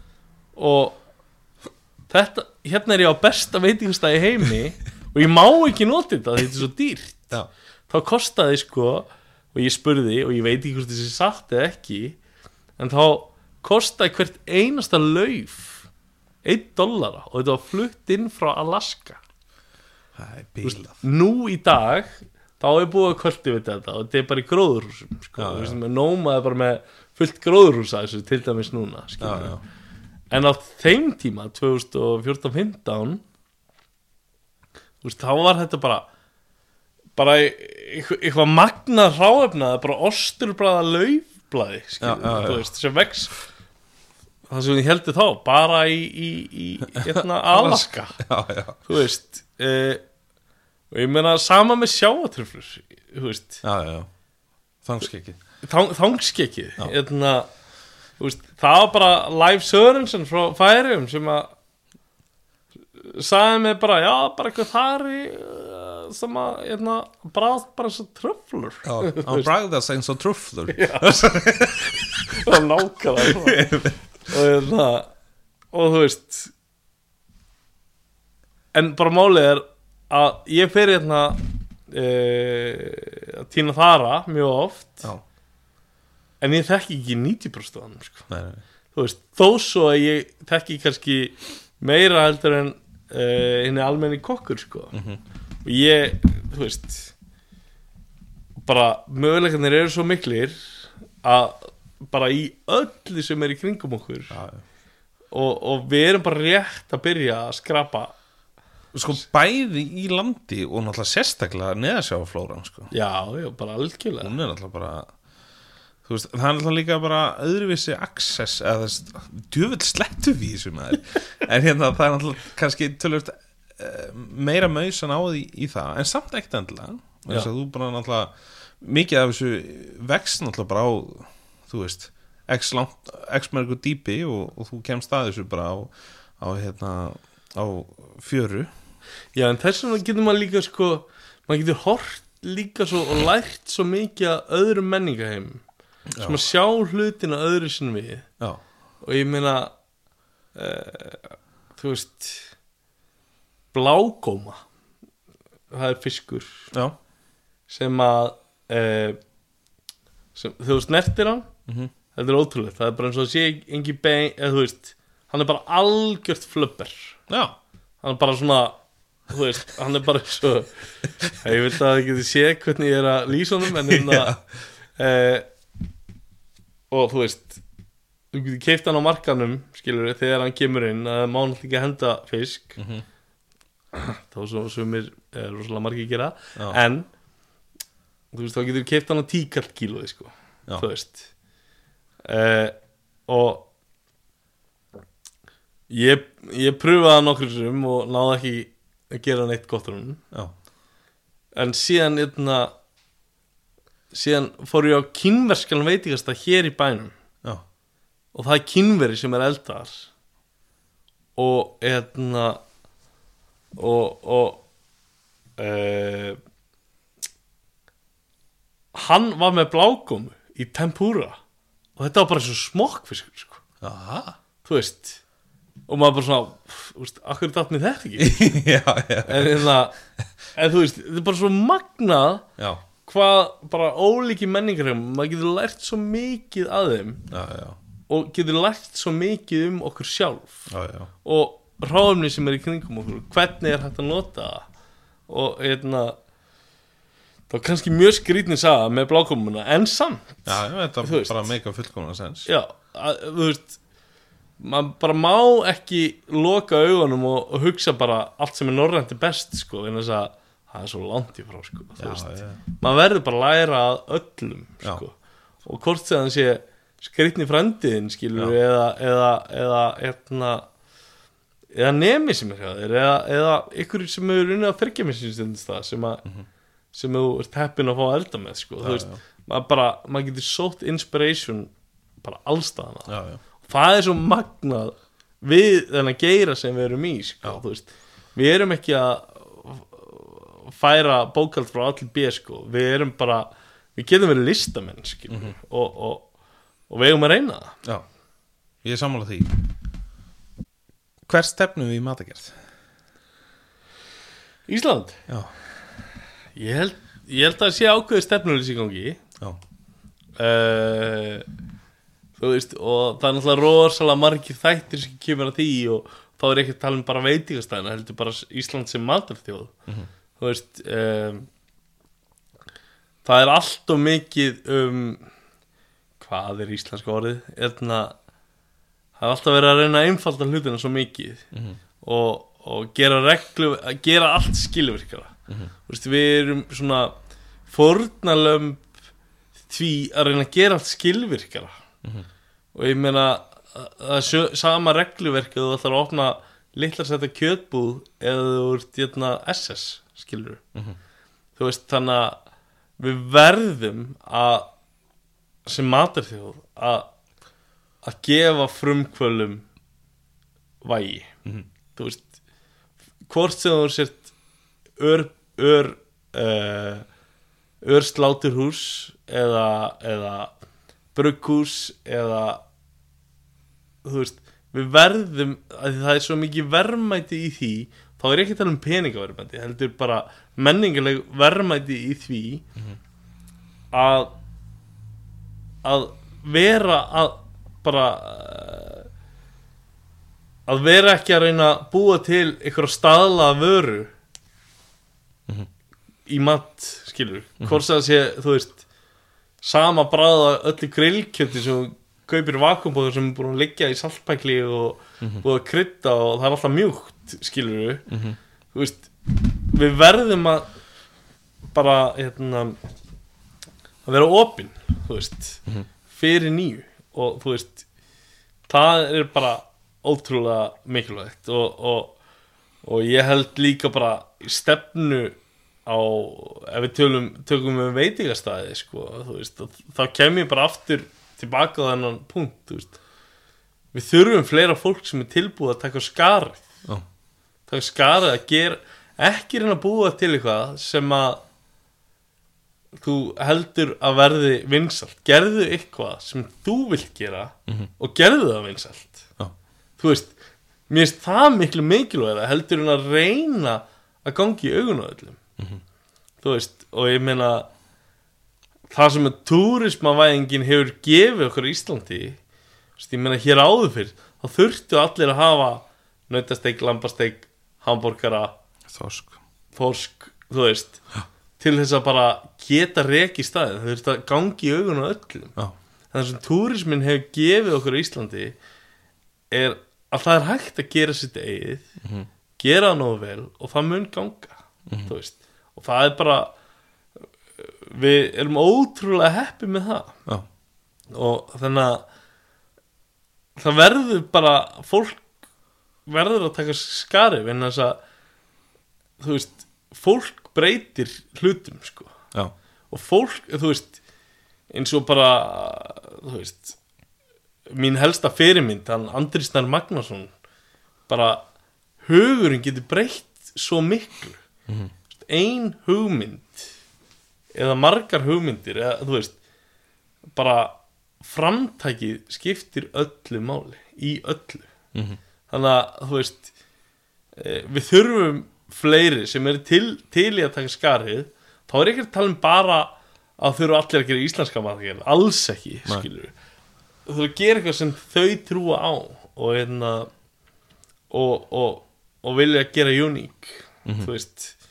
Uh, og þú veist að sjá verðmæti í hlutum sem að aðri sjá ekki verðmæti í og, og skapa verðmæti. Mhm.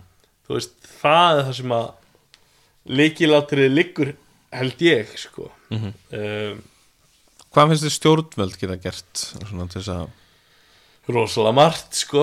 Uh, ég meina þú veist nú er komið nýsköpunar ráðanindi og svona. Já já, ég meina matvælisjóður er frábært framtak til dæmis.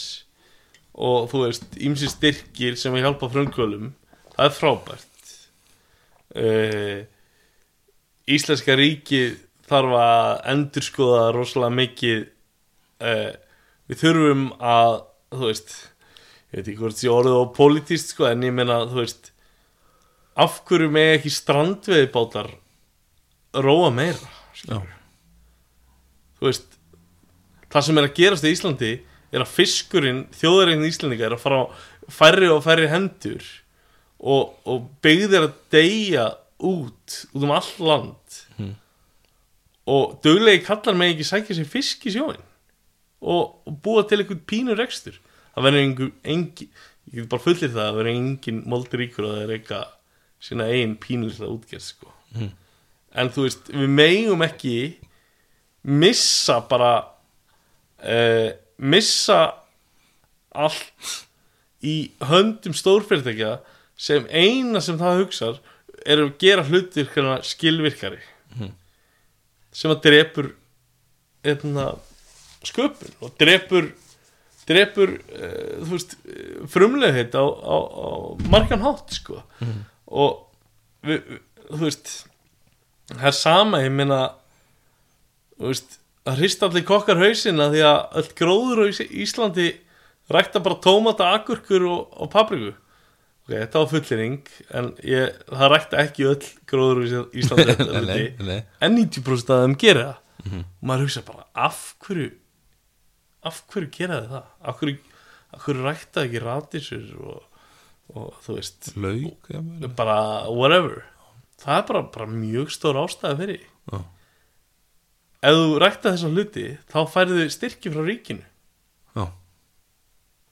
en ef þú ræktar eitthvað annað þá bara gangið þér vel. Já. það er engin kvati að vera lífræðna í Íslandi.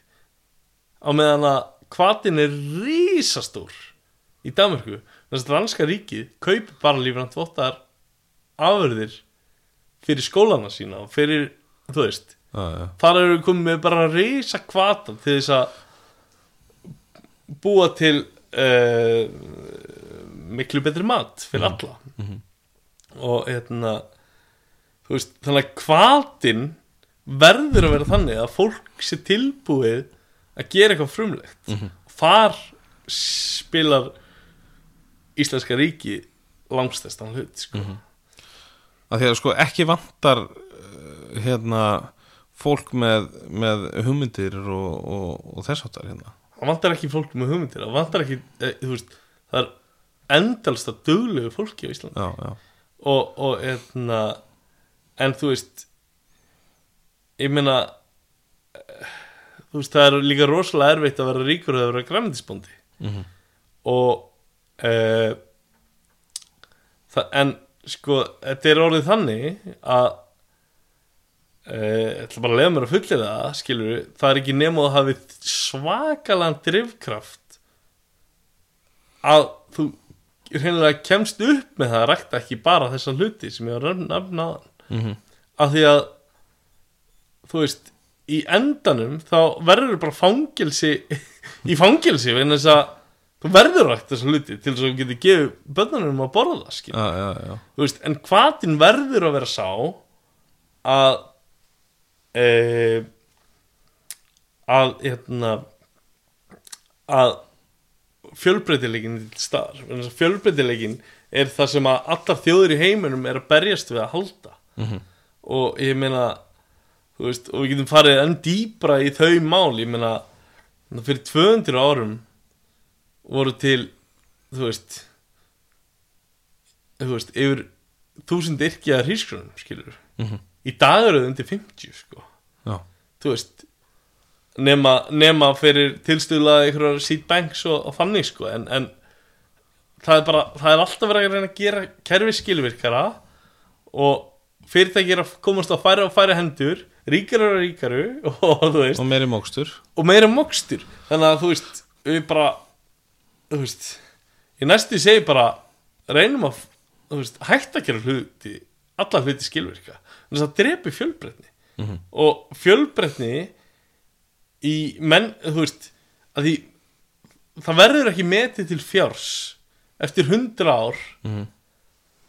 ef, ef við á Íslandi erum bara að með, þú veist ykkur bara nokkrar afurðir sem eru og bara þetta er íslenskt og ekkert annað já, þú veist, af því það er bara hitt er búið að loknast út af sko já, já.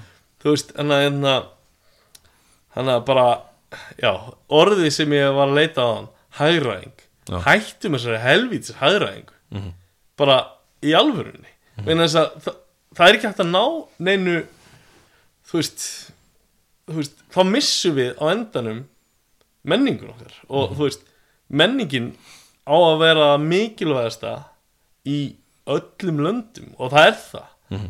og, og hérna en ef við erum alltaf að kötta hana niður til til að hægraða hlutunum. Mhm. það er bara vittlisa Mhm. að mínum að Já, ég samlaði því. Og er ekki líka bara menningin eitthvað svona sem að er aðdráttarafl einmitt fyrir túristana? Þeir koma og þeir vilja kynast menningunni. Bara algjörlega. Þú veist, þú veist ég er ekki að segja að allir er bara að vera hippar sko, og, nei, nei, og, veist, nei, og bara að gera eitthvað sko, mm þú veist fullir við ykkur hippum. Það er bara þeir bara Það tóf fólk.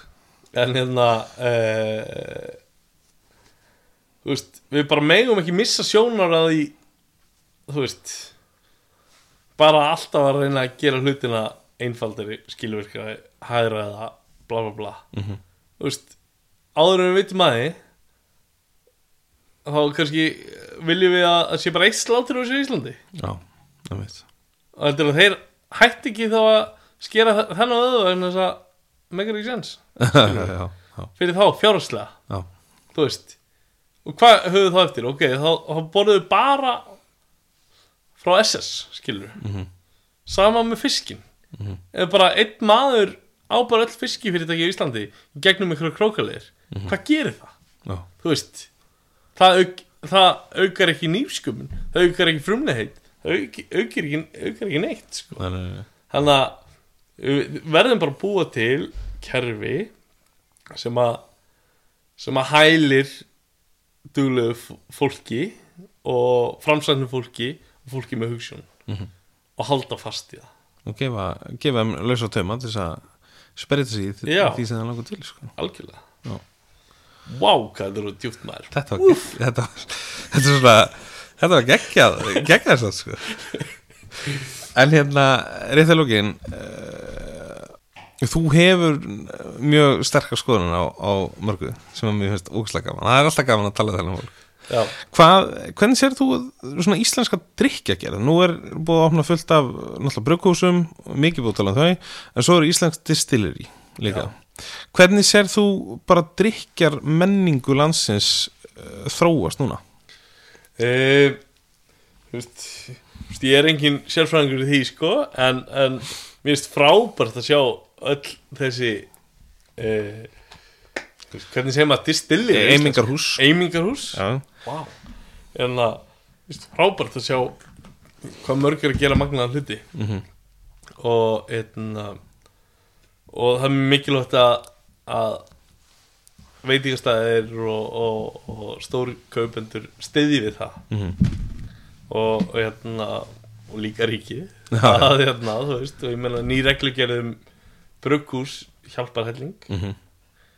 og hérna og búa til svona svona kvarta þú veist og, og ég vona að að það koma bara fleiri Mhm. og gerum enn betri afurðir Mhm. og, og hérna bara höldum partíinu gangandi sko Mhm. En svona út frá uh, barþjónum séð já, uh, ef að þeir eru ennþá að hlusta hérna uh, hverju lýsir þú eftir svona? bara að, ég var alveg til að sjá meiri fókus á frumleg bröður íslenskri náttúru þú veist það er svo óplæður akkur Mhm. að það væri ótrúlega gaman að sjá einhverja fara djúft í það Mhm. og virkilega kanna bröðin sem eru hægt að ná í Mhm. uh, nota reyna að vera frumlegur með uh, síru í kóttelum skilur við hérna ég meina ef þú tekur misu og síður hann niður um helming þá erum við sama pH-gildi og hérna, að sama sírustig og skilur við Mhm. og jújú, jú, það kemur auka brað en er það eitthvað slæmt skilur eða þú veist eða nota einhvers konar etik sem er með þess að einfalt að búa til sjálfur sko. Mhm. bara með, með tildalega einföllum kombucha aðferðum sko. Mhm. og, og bara hérna nota rabba bara djúsin skilur bara að, að þú veist, eins og segi, ég er engin sérfræðingur í þessu en, en ég held að við getum farið miklu dýpra sko. já, já, og, hérna uh, já en þú veist á, en þetta kemur alltaf tilbaka til þú veist, það, er líka bara hérna það tekur enginn að skarinn um að fólk sko. já, já. þannig að það, þarf meira fólk að taka skarinn ekki spurning uh, réttilógin uh, ég, ég sagði það áðan líka en það skiptir ekki máli, ég réttilógin við getum náttúrulega haldið áfram en það er allar nátt svo sem en hérna uh, fólk sem að kemur núna þegar náttúrulega hvetjum fólk að, fara á þessu, en svo líka ertu komið nýjan stað? Tökum hann aðeins eh, fyrir hérna. Já, við hérna, við fjölskyldan opnum næs mm. núna í, í februar mars ég er bara alveg galinn að ég man ekki eins og hvernig ég opnaði veit ekki að en hérna uh, þar erum við hérna gera alltaf hlutin við erum að gera á slipnum sem er ótrúlega gaman Mhm. og bara uh, verðut verkefni hérna þar sem við erum að uh, ekki að fókusa á að vera alveg fáránlega frumlega í, í ráðöfnisvali Mhm. en við erum að reyna að búa til stað sem er þú veist ég meina þaðan kemur nafni þannig er bara fáránlega næs mm skilur við góð þjónusta uh, og rosalega bræðgóðu matur og kannski vera að nota brauð sem að eru tekt en svona aðeins að bera fram á svona smá frumlega nátt Mhm. Og, og þú veist hann er bara nýbyrjar, hann er bara í þróun Já. og, og þú veist, við erum eftir að fara miklu dýpra í hann uh, en ég er mjög stoltur að það sem hann er í dag ég meina, við erum með frábært fólk sem er uh, gera sitt allra besta að gera þeim, þann stað sem hann er Mhm. og hérna þannig að það er bara ótrúlega spendi hvað hann mun gera. Og ég meina við komum ekkert inn á skál í þættinum heldur. Nei, skál náttúrulega er, er ótrúlega uh, ég er líka mjög stoltur af því verkefni. Já, að það var bara einhvern veginn svona mér fannst vanta svona casual uh, casual stað sem er samt að gera frumlega hluti. Mhm. og kannski, kannski þú veist, ég meina áður fyrir gastu bara fengið náttúrvín á setmenu seðlum á dýrum veitingastöðum sko. En þarna getur farið og fengið náttúrvínsglas fyrir það sama og fær hefbundið vín á öllum öðrum veitingastöðum sko, og smæðin hans eða þess að hvað hann er lítill eh, gefur líka hellinga möguleikum eh, þú ert að kött út svo marga kostnæðalið sem þú þarft að vera með úr með heilan stóran veitingasta eh, og þá nærðu að bjóða verðið ódýrara. Eh, og hérna og- hefur aðeins frjálsari hendur í, í því að þurfa ekki að ná til massans sko. Mhm.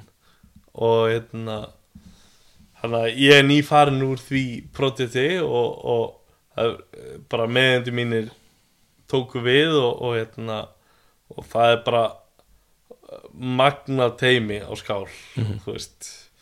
Og bara ég bara svo ánaður fyrir þeirra hönd.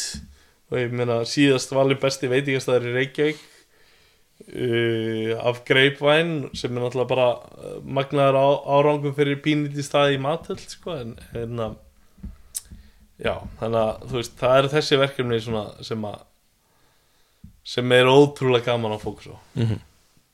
Það er svona með haustinu Nú náttúrulega, nú kveður skál.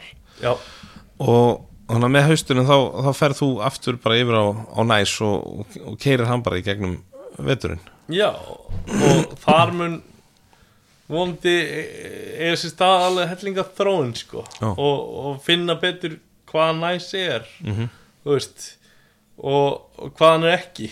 Og, og, já, hérna, og, og þess að það sko Já. við munum alveg pröfa alveg fullt af hlutum sem að kannski 90% að vera ömulegir sko. En ég meina, veist, það er bara partir Já. prósessnum sko. En núna alltaf er ég búin að vera svakalur reymaður hérna í viku, allavega rúmlega. Og það er mikið talað um hennar stað og, hérna, og bara gott sem ég hef heyrt. Og bara næs. Bara næs. Bara næs, þannig að hérna, hann mun ánefa þróast enn, enn meira. Og svo náttúrulega kem ég hérna einhvern tímann og held eitthvað að poppa upp þar líka já, bara ekki það? 100% bara í janúar. Ég er eftir að hugsa það já, bara, bara snjór. Já, það. Svona ekki bara Já. það er þetta geggjað. Tjóðið snill Herru, það er okkur engin eða þá hlusta eða þá út í þennan þátt núna að þið er búin að byrja svo mikið. Nei, ég segi svona. Við getum svo sem haldið áfram forever sko. Við tökum upp þráðin einhvern tímann að nýju. Það er bara klálega, þetta var mjög gaman. Já, og takk fyrir að hlusta þeir sem eru enn að hlusta maður, wow, já. Við þakkum kærlega fyrir hlusturina takk fyrir En hérna, já, Gísli, takk aðeinslega fyrir, hérna, ég ætla bara að nýta takk fyrir og, og þakka fyrir þessa tíma núna í eimi, ég er búin að, ég er hérna góðum tíma og hérna, takk kærlega fyrir uh, að koma í, í Hour. takk kærlega fyrir Þangað til næst. farðu nú að opna opna þinn eigin staðbræð Já, já, ég skal gera það.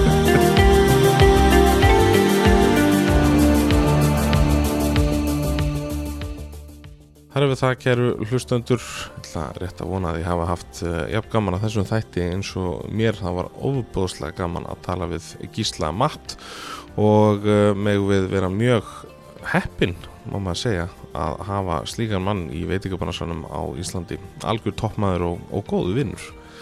Mæli með því að kíkja á slipin í Vestmannum ef þú hefur aldrei farið þangað. Hann er enda bara opinn á sumrin þannig að þú ert að hlusta þetta vetri til. Þú getur að fara á Næs sem er sýstur staður slipsins. Uh, endilega fylgist með Gísla Matt á Instagram. Það geti einni nálgast slipsbókina sem er algjörlega geggjuð. Herðu, svo verði nú eiginlega leðrætt aðeins um, þetta, um þetta bein sem að uh, ég og, og Gísli gáttum með engu móti mun að þetta heitir sem sagt kvarnir og eru litlir kalksteina sem finnast í haus allara beinfiska og hafa það verið notaðir til þess að greina aldur fiska líkt og gert er með uh, árringi í, í trjám. Þetta er mjög magnað fyrirbæri. Næst þegar þú færðir uh, þoskhaus þá mæli með því að uh, finna kvarnirnar og telja aldurinn. En því líku þáttur og er þetta ekki lægi? endilega kommenta undir myndina á Happy Hour Weisman á Instagram og í Facebook grúpunni góðu og svo er ég sjálfur auðvitað með bæði Instagram og Facebook. Atti Weisman, ef þið viljið fylgja með persónlega og sjá alls konar uh, stöf sem tengist drikkjum og, og veigum í fljótandi formi. Og ekki hika við að deila þáttunum með þeim sem kunna hafa áhuga á því að hlusta. Að lókum vil ég minna ykkur á að eh, nálgast áfengi af virðingu, drekka til að njóta frekar en eh, til að gleyma. Og takk fyrir að hlusta á Happy Hour, þangar til næst Wiseman out